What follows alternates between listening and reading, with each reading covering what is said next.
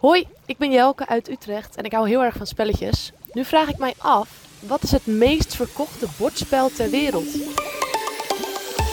Alledaagse vragen. NPO Luister. Dankjewel Jelke uit Utrecht voor je vraag. Rosa, ben jij eigenlijk een beetje een, uh, een bordspelliefhebber? Um, bepaalde soorten. Ik ben een groot 30 Seconds fan.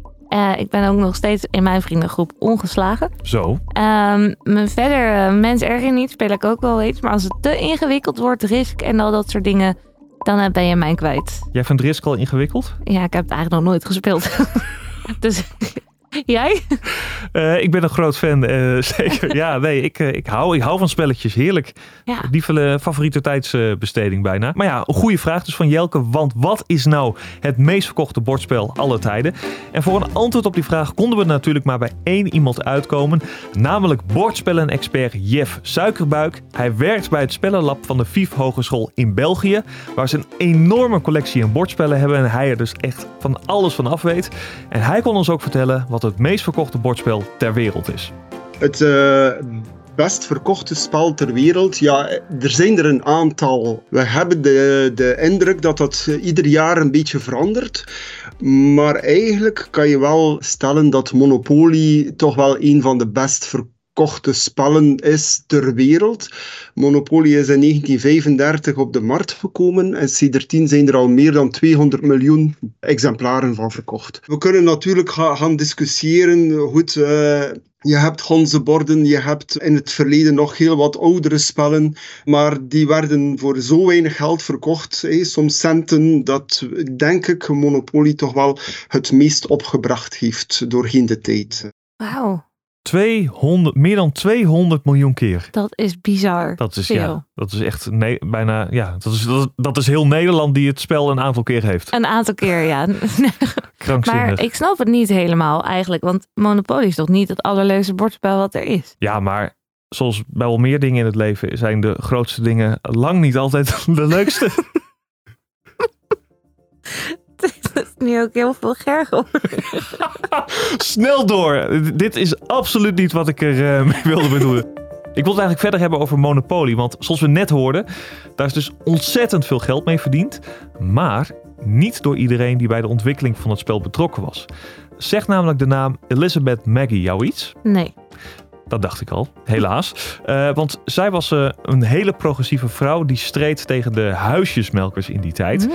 Uh, en om dat voor elkaar te krijgen, om daar wat meer aandacht voor te krijgen, bedacht ze in 1904 de Landlords Game. En dat spel verdiende vooral om te waarschuwen tegen monopolies en het onbegrensde kapitalisme. En je had daarbij twee regelsets. Eén waarbij de spelers werden beloond voor een collectieve succes.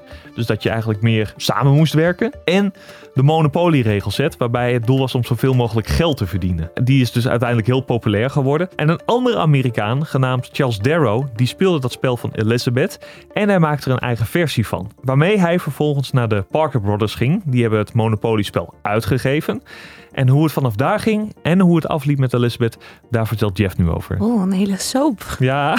Zo. Er zijn een aantal die, die zeggen van, goh, uh, McKee heeft het gewoon gegeven aan Charles Darrow. Dat weten we niet. Hè. Maar wat dat wel is, is dat de Parker Brothers hebben Elizabeth McKee 500 dollar gegeven voor het idee de Landlord Game en nog twee andere ideeën van haar. En een jaar later is Monopoly op de markt gebracht, uitgegeven of bedacht, zogezegd, door Charles Darrow.